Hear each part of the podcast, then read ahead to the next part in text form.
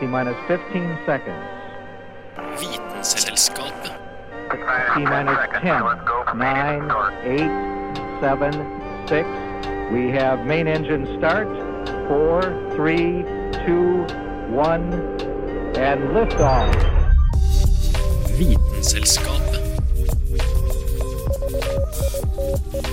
Vitenselskapet på Radio Nova.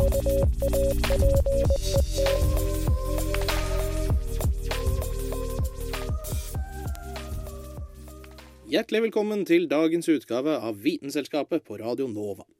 I dag vil jeg begynne med en shout-out fra Gerd til sine tre gode venner Ulrik, Gudrun og Joar. Vi har herjet før, og vi skal snart herje igjen. Vi ses rundt svingen av dere. Det var en hyggelig melding, synes jeg. Men Gerd er dessverre ikke en ekte person, og det er ikke Ulrik, Gudrun eller Joar heller. Nei, Gerd og Ulrik og resten av gjengen er stormer som har herjet Norge i henholdsvis 1996, 1997, 2005 og 2008. Jeg har alltid lurt på hvorfor stormer får sånne navn, som om de var gode, gamle bekjente. Og tenk på vesle Gudrun eller Joar på lekeplassen på skolen. De får garantert høre det i friminuttene hvis en eller annen stormebror eller stormesøster har herja på Vestlandet et sted. Men der hvor vi i dag begynner med fiktive hilsener fra stormer til andre stormer, skal vi nå skifte over og få høre om ekstremvær som er høyst reelt. Vi skal reise sørover til et av verdens varmeste steder. Vi skal se på naturkatastrofer og hva de etterlater seg. Og henger du med, så skal det jammen meg bli litt tid til forsinkede værnyheter fra en haug av millioner år siden. Jeg heter Dag Leon Magnussen, og du hører på Vitenselskapet. Oh, it's fun. I mean, the natural world is just fun. Du hører på Vitenselskapet på Radio Nova. What more do you want? Vi mennesker kan gjøre mye, men å styre været, det kan vi ikke. Eller?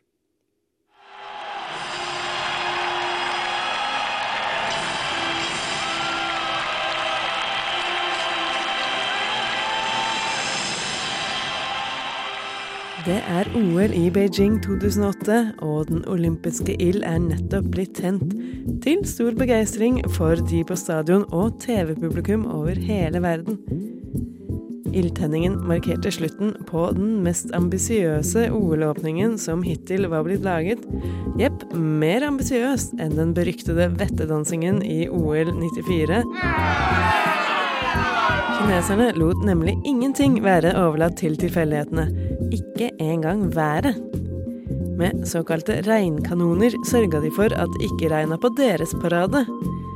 Manipulering av været er nemlig et utbredt fenomen i Kina. Men hvordan gjør de det?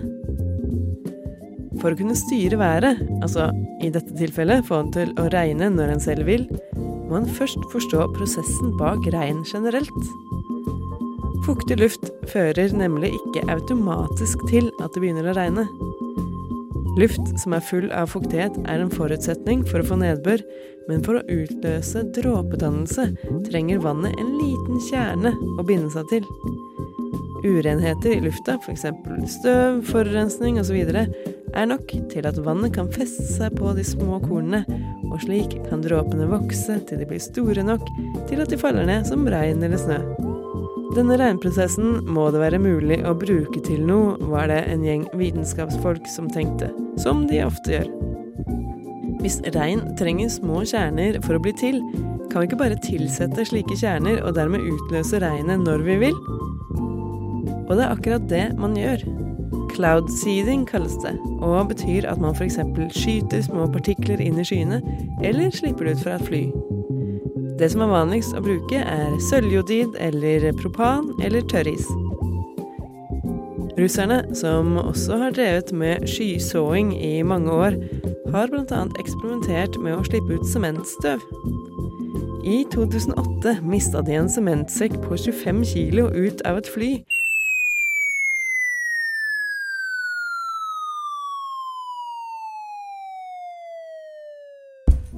Som landa på et hus og ikke overraskende lagde et svært hull i taket. Heldigvis ble ingen skada, men sett bort fra slike ulykker kan man jo lure litt på hvilken effekt det har for naturen at man driver og manipulerer været på denne måten. Én ting er det å skape regn når det egentlig ikke skal regne, Men eh, også utslipp av antatte ufarlige stoffer kan ha ringvirkninger som vi ikke kan spå. Et tysk prosjekt eksperimenterte i 2010 med en laserkanon, hvor de skjøt laserstråler inn i den fuktige luften. Tanken er at laserstrålene river løs elektroner fra atomene, som etter hvert kan gjøre nitrogen og svoveldioksider i lufta om til partikler, som så setter i gang regnet. Resultater i laben tyder på at det funker, men spørsmålet er jo om det funker i virkeligheten også. Og dette er det store spørsmålet i værmanipulering generelt. Om det går an å manipulere været, er nemlig temmelig omstridt. Kritikere mener at det ikke gjør det, og at det uansett ville ha begynt å regne av seg selv. Selv med moderne teknologi er det vanskelig å avgjøre om det har noen effekt. Når alt kommer til alt, kan det hende at også cloud-seeding føyer seg inn i rekken av de mange rare seremonier og ritualer vi mennesker har hatt for å påvirke været. Denne saken ble laget av Kristin Grydland, som skaper solskinn rundt seg hvor enn hun går.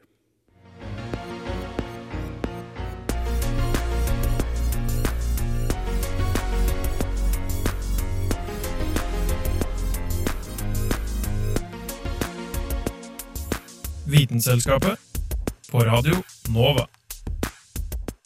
Trodde du fjorårets Oslo-sommer var varm? Bli med til et av verdens mest ekstreme landskap.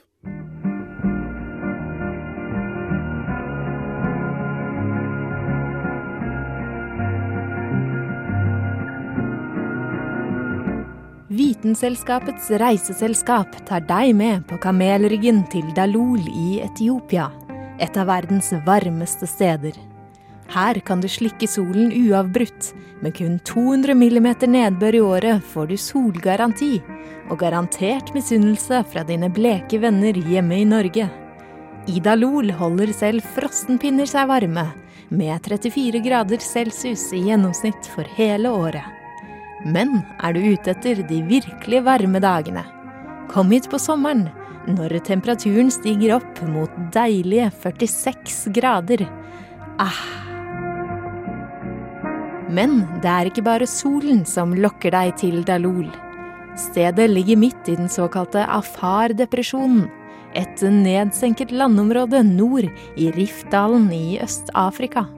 Her blir tre jordplater skjøvet fra hverandre i ulike hastigheter, som skaper mange morsomme geologiske fenomen i Dalol. Her finner du både vulkansk og hydrotermisk aktivitet. Vulkanen Erta Ale er en av verdens mest lavtliggende vulkaner, siden Dalol ligger hele 125 meter under havoverflaten.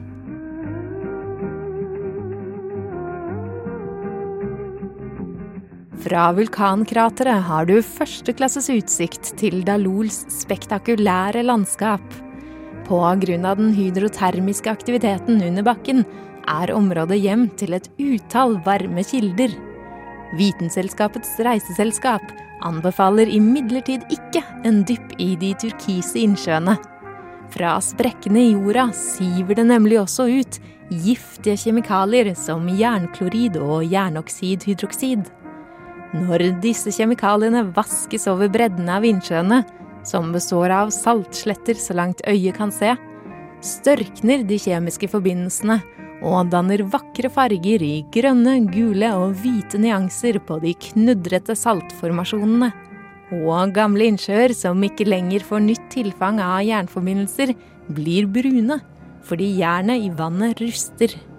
Glem altså ikke fargefilmen hjemme, dere. Er du riktig heldig, får du ikke bare med deg vakre bilder og brunfarge hjem fra Dalol. Det var her i Afar-depresjonen at Lucy, det 3,2 million år gamle skjelettet, som tilhører en forløper til menneskeslekten, ble funnet. Fordi det er funnet fossile eksemplarer av de aller tidligste hominini i området, regner mange paleontologer regionen som evolusjonens vugge. Hvorfor det nå er få fastboende igjen i området, kan nok bare tilskrives den stekende varmen og mangelen på vann. Det er vel derfor vi avslutter turen vår til Dalol nå med det velkjente ordtaket Borte bra, men hjemme best.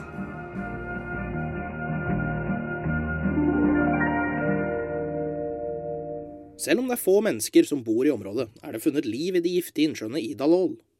I 2016 trosset en gruppe forskere ekstrem varme, magmastrømmer, klordamp og hydrogensulfidgass for å hente ut prøver fra de 100 grader varme, ekstremt sure og salte kildene. Her skulle man ikke tro at noen kunne bu. Men forskerne fant faktisk levende mikrober, såkalte poliekstremofile bakterier. De ekstreme forholdene i Dalol kan minne litt om forhold på for eksempel Mars, og gir forskerne håp om å finne ut hvordan liv kan oppstå på andre planeter og måner. Reiselederen for denne saken heter Hanne Gryland.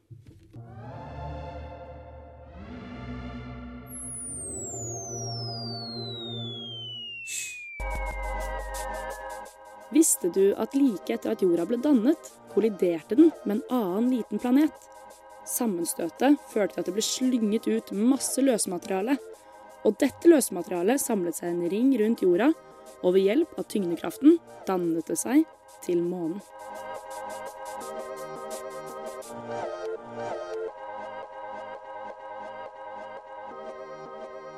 Når det skjer en naturkatastrofe, er det lett å føle seg hjelpeløs. Det er ofte ikke mye vi kan gjøre for å forhindre det, selv om vi blir varslet lenge før det skjer.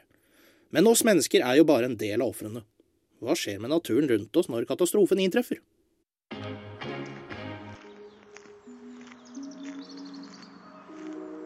Når vi hører om naturkatastrofer på nyhetene, tenker vi ofte først og fremst på tapte menneskeliv og ødelagte hjem. Men hva med naturen rundt oss? Vi vet jo godt at skogsbranner kan ødelegge flere tusen kvadratmeter med skog. Men andre katastrofer kan være minst like ødeleggende.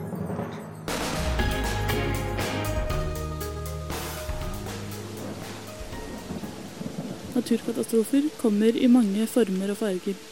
Hver av dem ødeleggende på sin måte. Vi kan lett tenke oss at flom og tsunamier drukner både hus og mennesker. Men hva med effektene utover det? Disse vannbaserte naturkatastrofene kan også ha store konsekvenser for naturen, og spesielt for jordbruket.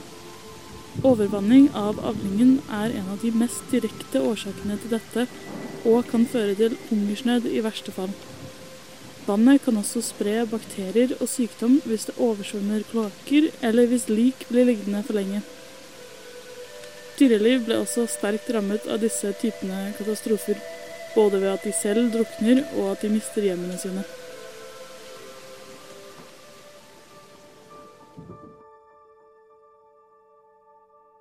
Samtidig som noen deler av verden kan lide under ekstremt regnfall, er det andre steder et sterkt behov for regnfall. For flom på ett kontinent betyr ofte tørke et annet sted. Begge kan være minst like dødelige, men på hver sin måte. For både avlinger og naturen generelt får nå ikke nok vann og kan dø ut. Når plantene ikke vokser, lider igjen både dyr og mennesker av sult. Dessverre er ikke sult den verste konsekvensen av tørke. Det er nemlig brann.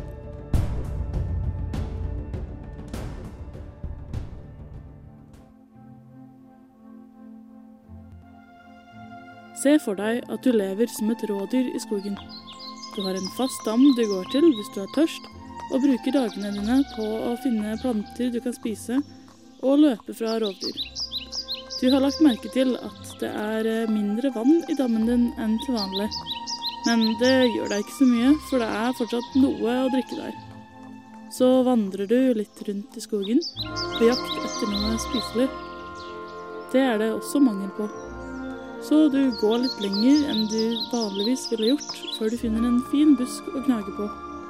Mens du står der og koser deg med maten din, merker du at det blir varmere og varmere rundt deg, helt til skogen foran deg står i brann. Mens mennesker får værvarsel, har dyr ingen måte å vite om hva som kommer, og står derfor i mye større fare. Skogbranner, som vi har sett ganske nylig, har katastrofale effekter på landskapet det påvirker. Ikke bare det, men det tar også lang tid for naturen å bygges opp igjen.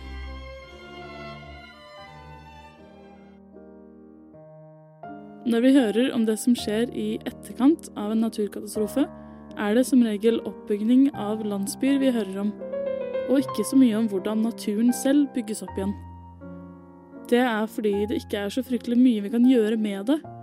Trær og planter vil etter hvert vokse tilbake av seg selv, og dyrelivet flytter til slutt inn igjen.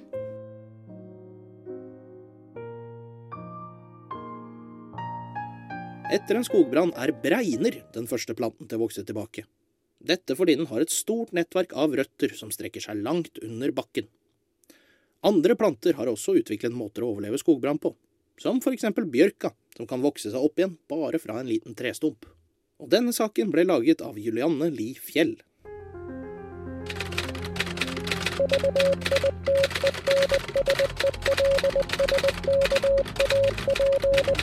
Just want to tell you both good luck. We're all counting on you. И пусть посмеются над своими страстями. Ведь то, что они называют страстью, на самом деле не душевное. Vitenselskapet а лишь трение между душой и внешним миром. knekker vitenskapens koder. Good job. Tsunami er et japansk ord som betyr plutselig bølge i havn. Men hva er egentlig en tsunami? En tsunami er en havbølge, eller en serie havbølger, som kan oppstå selv om det er helt vindstille. Den er havets farligste bølge, og kan være ødeleggende over lange kyststrekninger.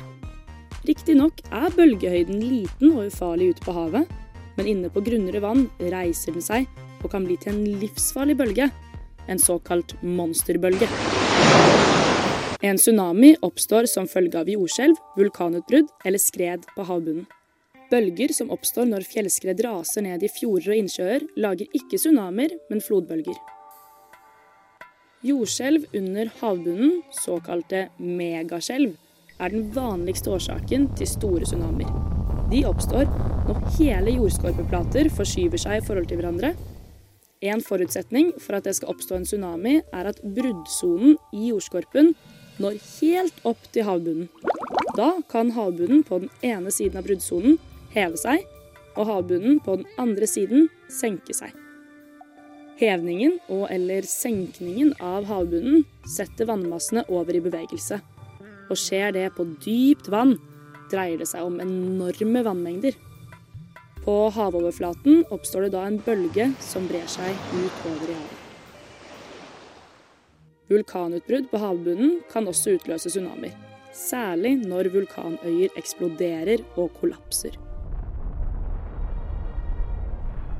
I 1883 eksploderte vulkanen Karaktu i Indonesia. Eksplosjonen ble hørt i Afrika, hele veien over til den andre siden av Indiahavet, og førte til en enorm tsunami som veltet inn over kysten på de indonesiske øyene. Mange titusener mennesker mistet livet. Den siste årsaken til en tsunami er skred på havbunnen. Et slikt skred gikk faktisk på den norske kontinentalsokkelen for 8100 år siden. Den ble kalt for Storeggaraset. 10-15 meter høye bølger slo inn over kysten av Vestlandet og Skottland, og inne i fjorden kan bølgene ha vært enda høyere. I dag ligger olje- og gassfeltet Ormen Lange i skreddgropa etter Storøygardaset. Før feltet ble utbygd, undersøkte de området for å finne ut om det var fare for nye skred, men konklusjonen var at dette ikke ville skje før neste istid. Det er mye lettere å varsle tsunamier enn både jordskjelv og vulkanutbrudd. Dette fordi tsunamier er en følge av jordskjelv og vulkanutbrudd, og tsunamibølger brer seg gjennom vann. Selv om bølgefarten ute på åpent hav kan være oppimot hele 800 km i timen, er det lite sammenlignet med farten på jordskjelvbølger. Og det gjør det mulig å sende ut tsunamivarsel. Dette innslaget ble laget av Aurora Caroline Thommessen.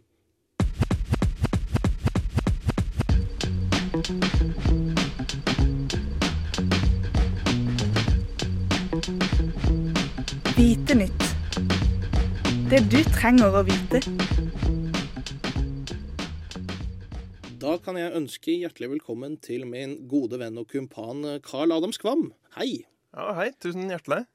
Du, i dag så har vi kommet til det sagnomsuste segmentet som heter Vitenytt. Det betyr at det er noe nytt i vitenskapens verden. Det vet ikke jeg hva er, men det vet du. Ja, det er mye nytt som skjer støtt og stadig, og i dag er det jo prat om ekstremvær. Det er skremmende greier. Men håpet er ikke ute. For nå eh, har jeg lest litt om en teknologi som eh, kanskje kan eh, berge oss til slutt. Fordi eh, nå er det jo sånn at vi pumper ut CO2 i atmosfæren, og eh, ja, vi skulle jo egentlig begynt for sånn 30 år siden med å senke utslippene. På det punktet her så er det ikke nok at vi bare fjerner utslippene, og så må jo òg kanskje få litt av den eh, stygge CO2-en ut fra atmosfæren. Og det er akkurat det den teknologien her gjør, da. Eh, fordi det er Først og fremst så er det veldig relevant for oss som bor her i landet, fordi det er planer om en ny fabrikk på Herøya i Porsgrunn. Eh, ja, og det området er jo kjent for industrien.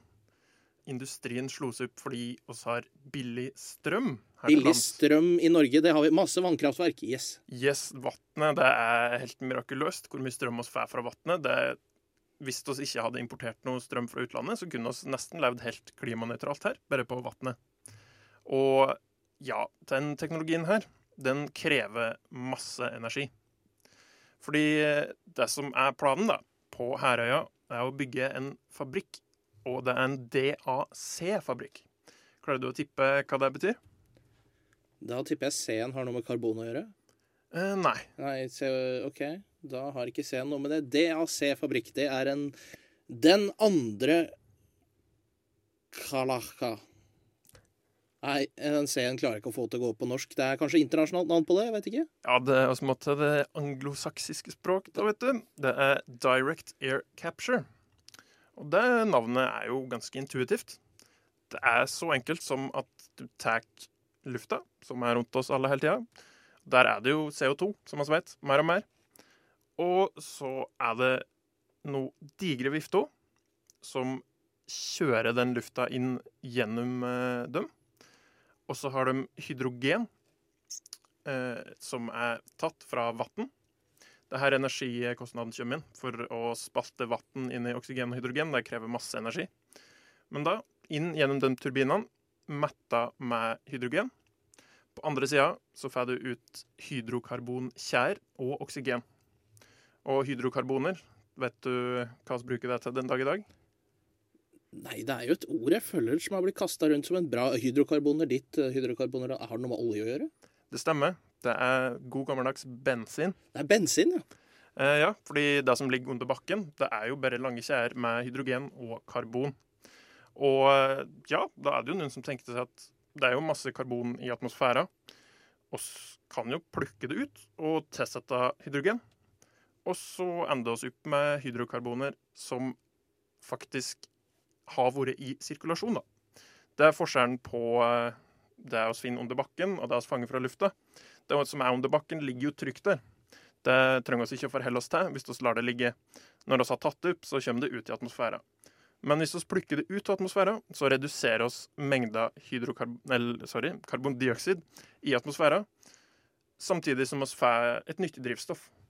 Men ellers må jeg takke så mye for at eh, du kunne komme, Carl, og opplyse oss litt om det her. Jeg ble i hvert fall veldig glad nå. Ja, det er grunn til optimisme. Det er grunn til optimisme. Alltid optimist, vet du. Hjertelig takk. Du hører på Vitenselskapet på Radio Nova.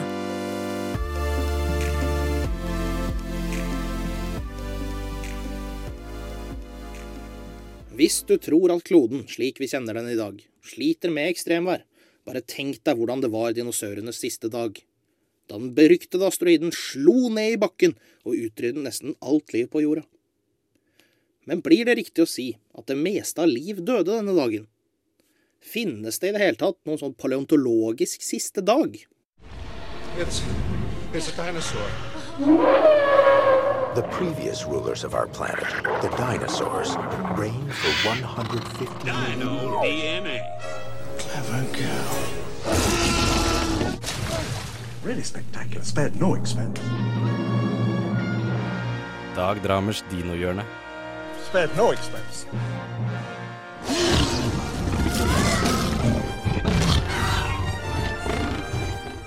Forestill deg en helt vanlig dag.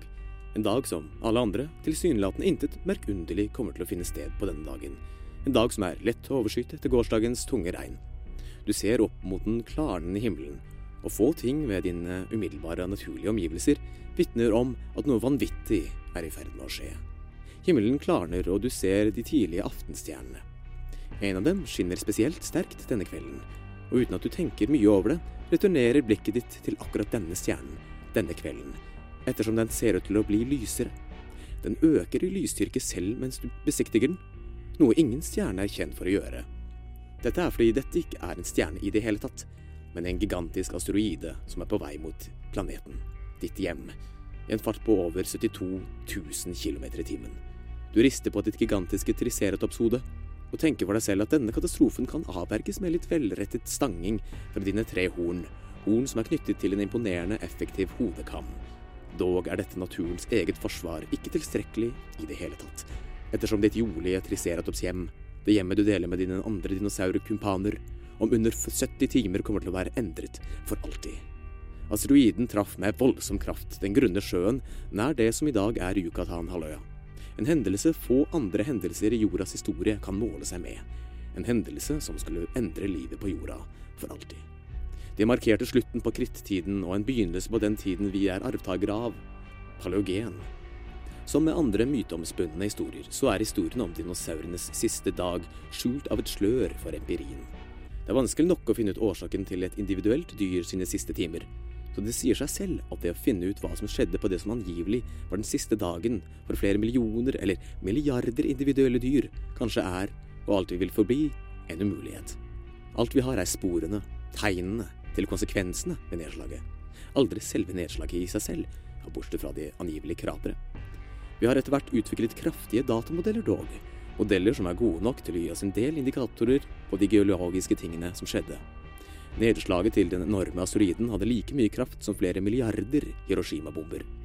Enorme mengder med materiale ble slengt ut i atmosfæren, noe som blokkerte for solen.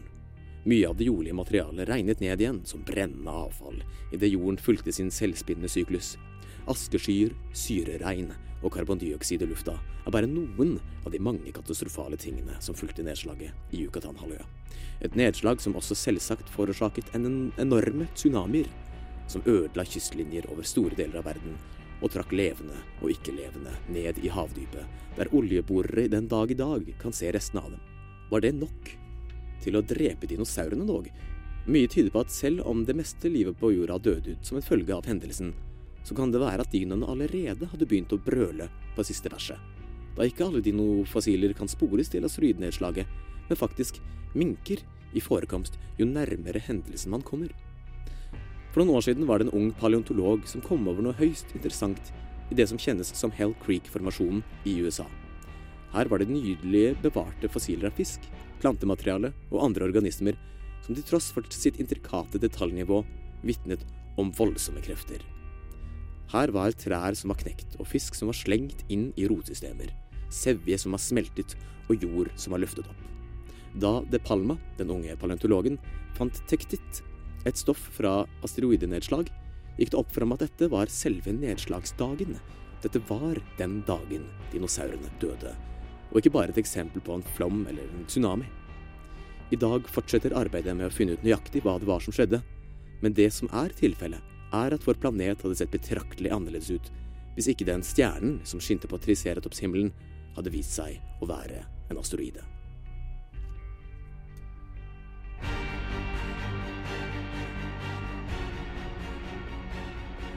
Vår dinoekspert heter som alltid Dag August Smedling Dramerud.